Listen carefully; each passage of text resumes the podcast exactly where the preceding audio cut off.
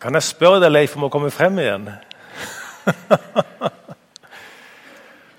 Bare skylde på alderen. Min alder, altså. Fordi at eh, Jeg skulle stilt et spørsmål til Leif. Her er den. Fordi at eh, Når du har tatt det valget Da blir jeg jo alltid nysgjerrig når folk tar det valget. da. Hva er blitt annerledes for deg etterpå? La oss si det at eh, jeg føler at eh, det er noen ved siden av meg, foran meg og bak meg. Det er litt av det. Våre barn, eh, eller våre to døtre som bor i nærheten av oss nå i Kristiansand, hun, eller de sier det til meg, eller til oss, da, at vi Det er kommet en forandring i livet vårt. Og det, jeg føler det på meg sjøl også. Det er stadig ting som, som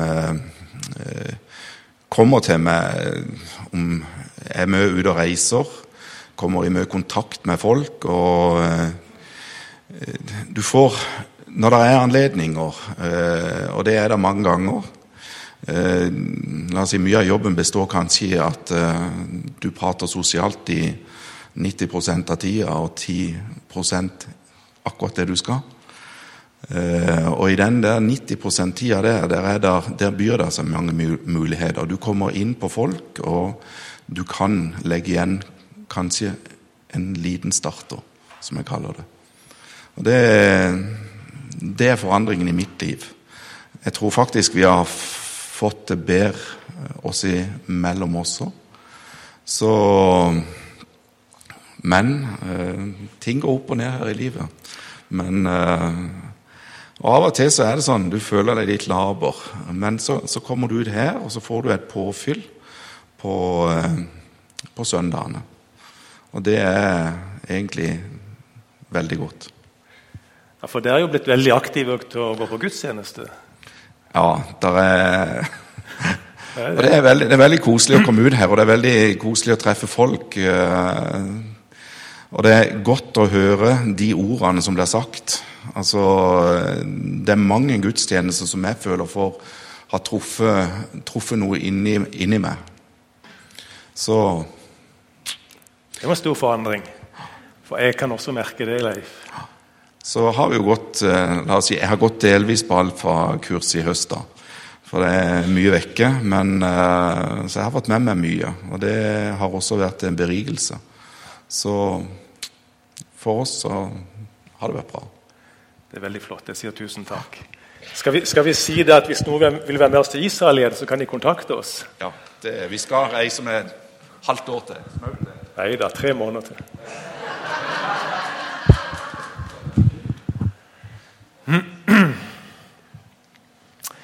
Ja, Vi har jo denne serien som vi starta opp 4.1, som heter eh, 'Livsforvandlende møter med Jesus'. Og Da er det forskjellige sånne møter som Jesus har med mennesker fra Johannes evangeliet, som vi stanser opp med. Og I dag er vi kommet til et møte som Jesus hadde med ei eh, kvinne. Og vi leser fra Johannes kapittel 8, fra vers 1. Eller Det begynner egentlig helt på slutten av kapittel 7. Da. Det lyder sånn. Så gikk de hjem hver til sitt, og Jesus gikk ut til Oljeberget. Tidlig neste morgen kom han til tempelet igjen. Hele folkemengden samlet seg om ham, og han satte seg og begynte å undervise dem.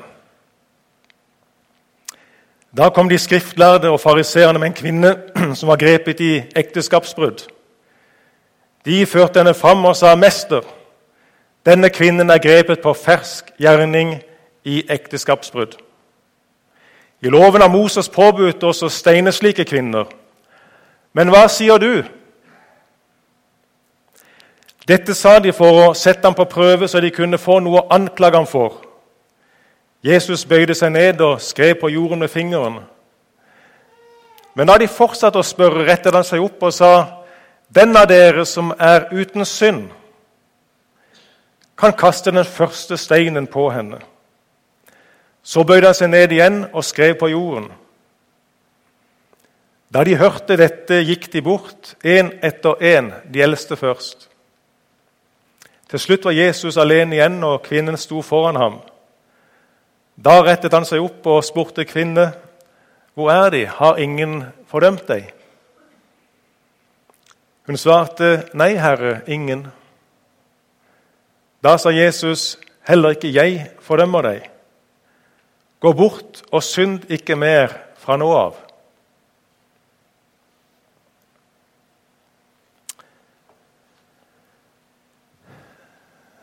Skal vi eh, kort be sammen om ro og stillhet i vårt indre? Herre Jesus Kristus, vi takker deg for denne beretningen der du var til stede og du talte med denne kvinnen og møtte disse menneskene. Og Nå står vi her, og så ber vi at du vil kaste lys over dette, og hva du vil si oss i forbindelse med dette nå.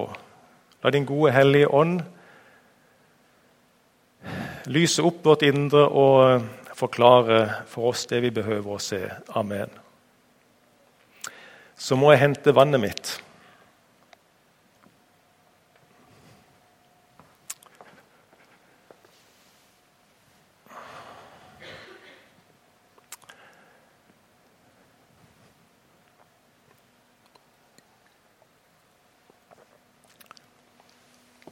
Jeg sto en gang her for et par år siden og, og talte en søndag med sånn Donald Duck-stemme. Det var veldig ubehagelig, og det må ha vært veldig ja, merkelig for dere som var til stede da, å høre på. Ok, Vi har lest denne fortellingen. og så er det sånn at I den jødiske loven så var ekteskapsbrudd en veldig alvorlig forbrytelse. Faktisk så var det en av de tre alvorligste syndene som kunne begås, og det ble straffa med døden. Tredje Mosebok når en mann driver hor med en gift kvinne, skal de begge dø. Både mannen og kvinnen som har brutt ekteskapet. Og jeg merker at Vi er vokst opp i en ganske annen kultur enn dette. Her står ikke hvilken måte de skulle dø på, men hvis det gjaldt ei ung kvinne som var forlova, da står det at da skulle de begge steines, både kvinnen og mannen.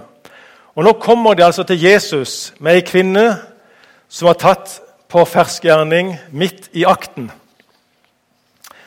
Og Så legger de denne saken frem for Jesus. Og Det er noen ting vi kan eh, merke oss her.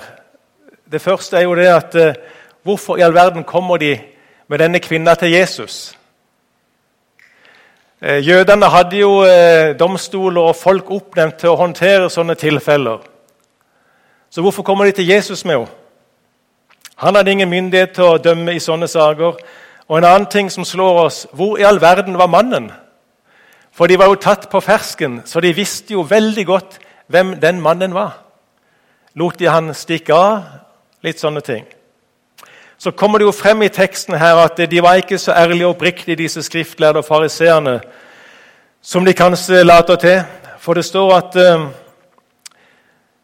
Eller vi ser at de, de prøvde å sette ei felle for Jesus. I loven av Moses påbudt å steine slike kvinner. Hva sier du, Jesus? Dette sa de for å sette Jesus på prøve, så de kunne få noe å anklage ham for, leste vi. Så Hele fortellingen viser at uh, disse skriftlærde fariseerne kommer ikke til Jesus fordi de søker veiledning. altså, Hva sier du, Jesus? Veiled oss. De kommer heller ikke fordi de har sånn veldig nidkjærhet for loven i dette tilfellet. Men de kommer av den ene grunnen at nå skal vi knekke Jesus. Endelig så skal vi få tatt knekken på han. Det var deres anliggende. Og Det dilemmaet som de prøvde å sette Jesus i, det var det at hvis han sier at de kan steine kvinner, ja, da kunne de gå til de romerske myndigheter og anklage han for dette. For det, at det var bare de som kunne iverksette en dødsstraff. Og det kunne ikke jødene. Det var et okkupert land. Folk, så de hadde ikke den myndigheten. Og Hvis han sier det at da kan eh, la kvinner gå, den barmhjertige Jesus La henne slippe fri. Ja, Da ville de anklage Jesus innenfor jødenes høye råd for at han ikke fulgte Moses eller loven, for at han eh, lærte folk å, å bryte Moseloven og oppmuntre til hor osv. Så, videre. så jeg tenkte at nå har vi han. Han er nødt til å komme i konflikt enten med det ene eller med det andre. Nå kan vi ta han. Det var det de var ute etter. Så hva sier du, Jesus? Jesus bøyer seg ned og skriver på jorda med fingeren. Vi vet ikke hva han skrev. Det er mange spekulasjoner om det, men det vet vi ikke. Så retter Jesus seg opp og så sier han en setning som fullstendig overrumpler disse anklagerne. Og den avvæpner de fullstendig. Og så lenge de levde, så kom de til å huske den setningen og den situasjonen.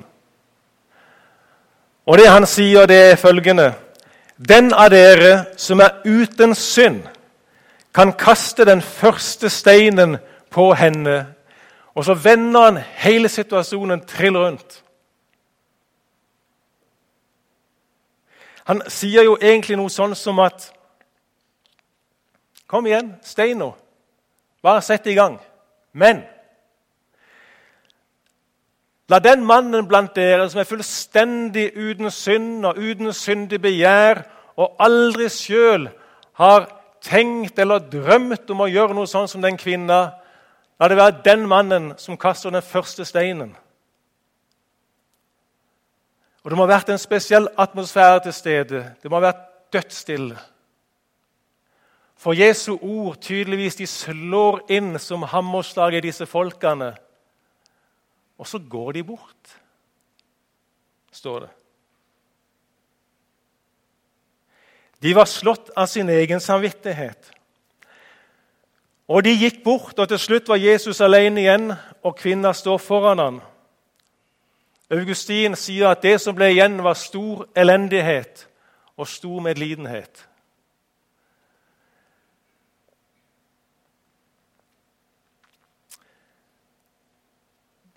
Det vi skal merke oss, det er at de som kom med denne kvinna, de hadde tatt loven i egne hender. Det er ikke bra. Og Det var jo nærmest en, en lynsjing som var på gang. Og de opptrådte som dommere uten å være tildelt den funksjonen.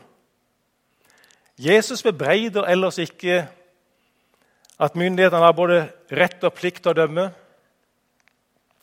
Men det er jo av folk som har fått eh, tildelt en sånn oppgave. Det er jo en del av rettssystemet. Men her er det annerledes.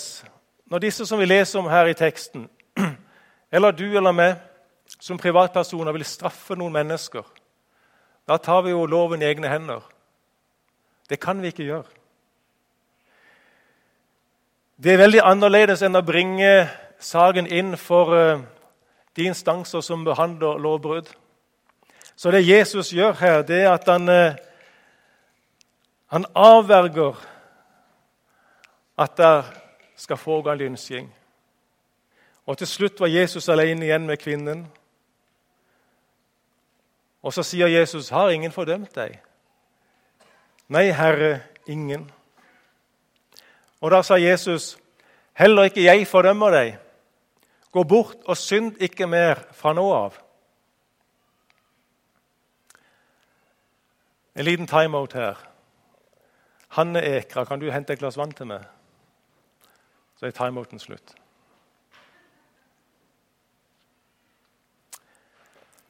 Heller ikke jeg fordømmer deg. Gå bort og synd ikke mer fra nå av. Heller ikke jeg fordømmer deg. Ja, kvinne, du har synda. Men nei, jeg fordømmer deg ikke. Det er det Jesus sier. Jeg er ikke kommet for å dømme verden, men for å frelse verden sier Jesus, for å frelse det som er fortapt. Den kvinna behøvde ikke fordømmelse, men den kvinna behøvde frelse. Hun behøvde å bli reist opp igjen.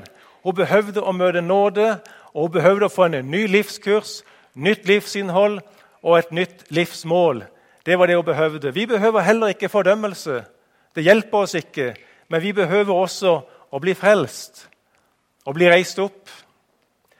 Tusen takk, Hanne. Å, det var et stort glass. Takk skal du ha.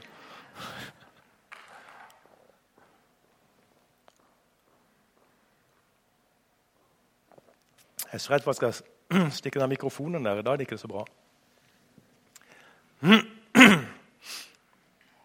Ingen behøver vi, vi, vi blir ikke bedre av å møte fordømmelse.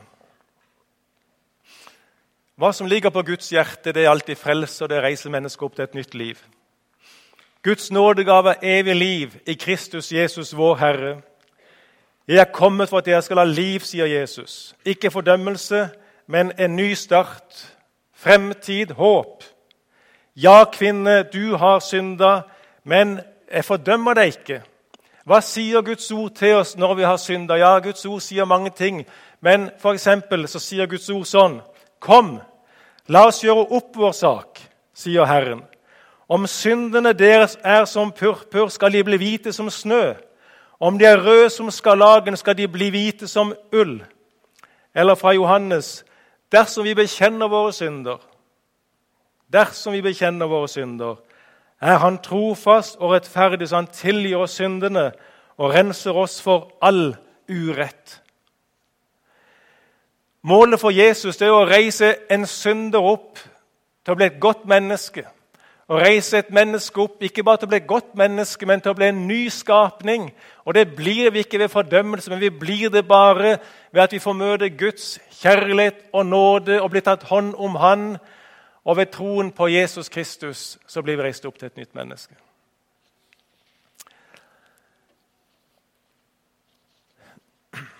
Paulus skriver i Romerbrevet om dette. Les Romerbrevet kapittel 8. Der skriver Paulus om, om disse ting. Han skriver f.eks. at 'Hvem kan fordømme?' Så svarer han ikke på det, men så sier han 'Kristus Jesus er den som er død'. Ja, mer enn det. Han sto opp og sitter ved Guds høyre hånd og ber for oss. Underforstått, han fordømmer ingen. Han døde jo for oss. Han elsker oss. Og Johannes skriver at der i sin forbønn hos Faderen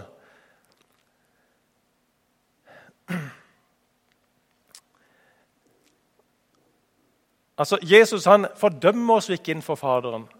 Han ber for oss, han taler vår sak. Om noen synder har vi en talsmann hos Far, Jesus Kristus den rettferdige. En som ber for oss. Og hvis det er sånn, for det kan jo være også at, at du som er en kristen og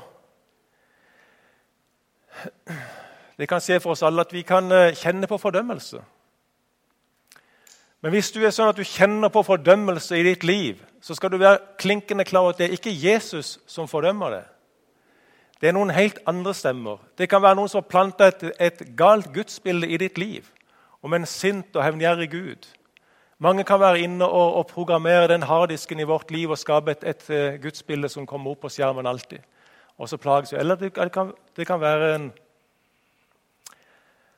at vi forveksler det med en dårlig samvittighet som vi kan lette hos Jesus. Men han fordømmer oss aldri. Han tar alltid imot oss. Så hvis vi går og kjenner på sånne ting, så er det i alle fall ikke han. Til slutt var Jesus alene igjen når kvinnen sto foran ham. Da sa Jesus, 'Heller ikke jeg fordømmer deg.' 'Gå bort og synd ikke mer fra nå av.' Og Vi skal legge merke til noe her. For Jesus sier ikke noe sånt som dette til kvinner, at 'det du har gjort, det er ikke så farlig, derfor fordømmer jeg deg ikke'. Han sier ingenting som ligner på det. Det som denne kvinnen hadde gjort, og det som du og meg gjør, det går aldri upåakta hen hos Jesus. Han tar det opp med oss. Sånn at du og vi kan erkjenne våre synder og bekjenne våre synder og få fred og tilgivelse. Han tar det opp med oss. Så når han sier det til henne, at 'gå bort og synd ikke mer', så er jo det en formaning han retter til oss alle sammen. Det at Jesus aldri fordømmer noe menneske, det betyr ikke at han ikke har noe å si oss. Han har alltid noe å si oss. Men det som Jesus har å si til oss mennesker, det vil alltid hjelpe oss. Det vil alltid gi oss noen ting. Det vil alltid gjøre ting bedre for oss om vi låner øret til det han har å si oss. Gå bort og synd ikke mer fra nå av. Altså, Det ville jo ikke bli noe nytt liv for denne kvinnen hvis hun fortsatt i samme sporet. Hvis hun ikke brøyt med det som hun satt fast i. hvis hun satt fast i Det da. Det er jo den forandringen.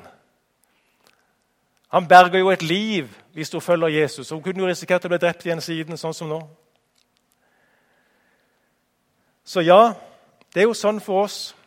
Vi hørte vitnesbyrdet her òg. Alle mennesker som står innenfor Jesus, blir stilt på valg. Jesus stiller mennesker på valg. Når Jesus begynte sin, sin gjerning, så begynte han sånn Vend om og tro på evangeliet. Det er å stille mennesker på valg. Vend om og, og land livet ditt i evangeliet. Evangeliet er Guds kraft til frelse. Så det er en vei å gå, men alltid et valg. Så når Jesus sier til denne kvinna 'gå bort og synd ikke mer fra nå av', så er det jo litt sånn klart i teksten hva kanskje Jesus sikter til når det gjelder henne. Og så sier han det samme til oss. Og Hva sikter han til da? Han sikter vel til det at vi også bryter med synd og uvaner og ting som vi vet om i vårt liv, som bryter livet vårt ned. Liksom Sett en ny kurs, da. Og det er alltid en ny kurs å sette. Er det alltid lett det å bryte med syndevaner eller noe som har liksom fått taket på det, eller på oss, da? Nei. Per Arne Dahl, nå biskop, han skrev i Aftenposten for noen år siden Det er ikke alle synder vi angrer. Det er synder vi er glade i. Det er synder vi trives med, og som vi nødig vil skille oss av med. Derfor er det forbundet med sorg å begrave dem. Men om vi gjør det, om vi begraver dem, så står vi aldri tomhendte eller maktesløse igjen. For vi, vi, lander livet i evangeliet, tro på evangeliet, omfavne det. Ja, men det er Guds kraft til å gå videre med en ny kurs. Det er alltid det. Nei, Jesus fordømmer ingen, men han har noe å si oss. Det han gjorde med denne kvinna, det var jo egentlig han, eh, han uh, talte henne til rette. Og Det er veldig flott å bli talt til rette. altså bli talt til rette inn på en, på en, rett vei. Det er jo mer enn en oppmuntring han kommer med. Det er jo en formaning. Det er jo nærmest en advarsel. Og Sånn kan det være noen ganger. Fortellingen slutter da. Vi vet ikke hva kvinner hvordan hun responderte. Det står ikke noen ting om det i teksten. Vi håper at du responderte bra. Spørsmålet til oss er jo hvordan responderer vi? Altså, Hvordan responderer vi når Jesus har noe å si oss? Når han vil tale oss til rette? Tåler vi å bli talt til rette? Inn på en rettere vei? Det er spørsmål. I denne teksten her så gjaldt det moralsk, eh, en moralsk livsførsel. Men det kan gjelde alle temaer i livet. Men spørsmålet er hvordan responderer vi når Jesus har noe å si Han fordømmer oss ikke, men han har noe å si oss. Tåler vi det? Jeg skal ikke trette dem med å si at jeg har vært til sjøs, men jeg var det for 40-50 år siden. I 1968, 69 og 70.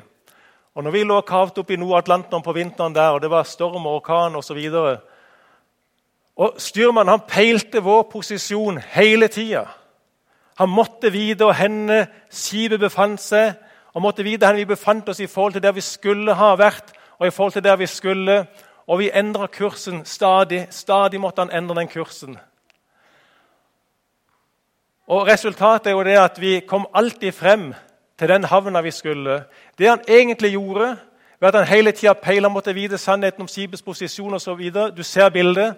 Det han egentlig gjorde, var at han talte skipet til rette underveis ved at han korrigerte kursen. Og så kom vi alltid frem. Det var aldri sånn at vi liksom havna på et helt annet kontinent, liksom. Det var ikke det. Vi kom alltid frem. Det er egentlig det å la seg tale til rette. Det blir alltid bedre.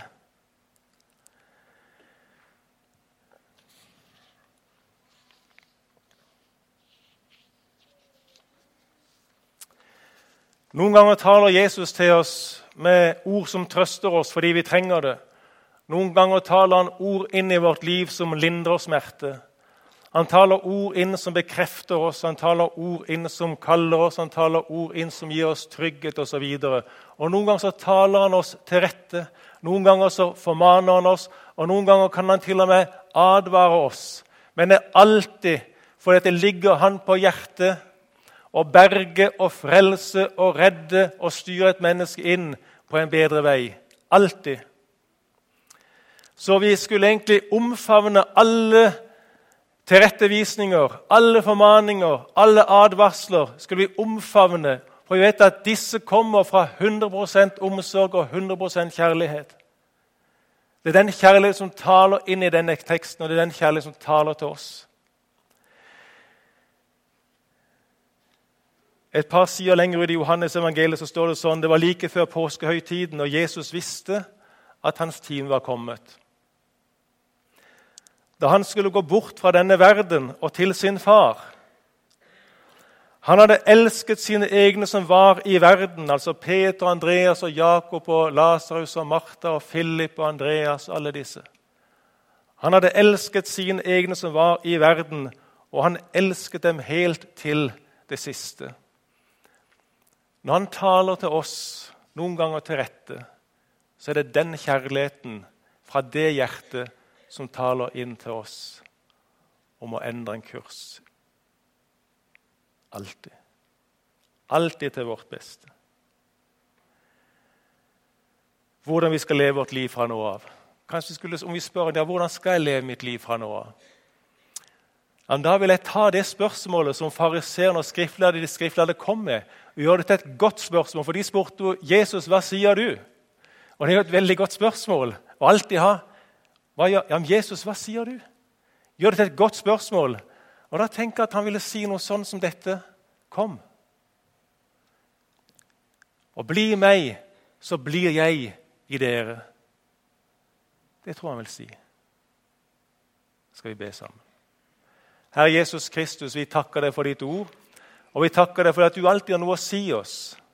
Og det du har å si oss, Herre, det kommer fra, fra ditt hjerte, Herre. Du som ga ditt liv for oss. For at vi skulle ha liv, fremtid, håp. Få uh, ut av dette livet som du har i tanker og i planer for oss. Og få lov til å kjenne på den glede og den velsignelse og den kraft og det liv som finnes i å følge deg. Herre, vi ber om at vi skal være lydhøre for dette. La oss korrigere, la oss tale til rette. La oss oppmuntre og trøste ved dine ord. Amen.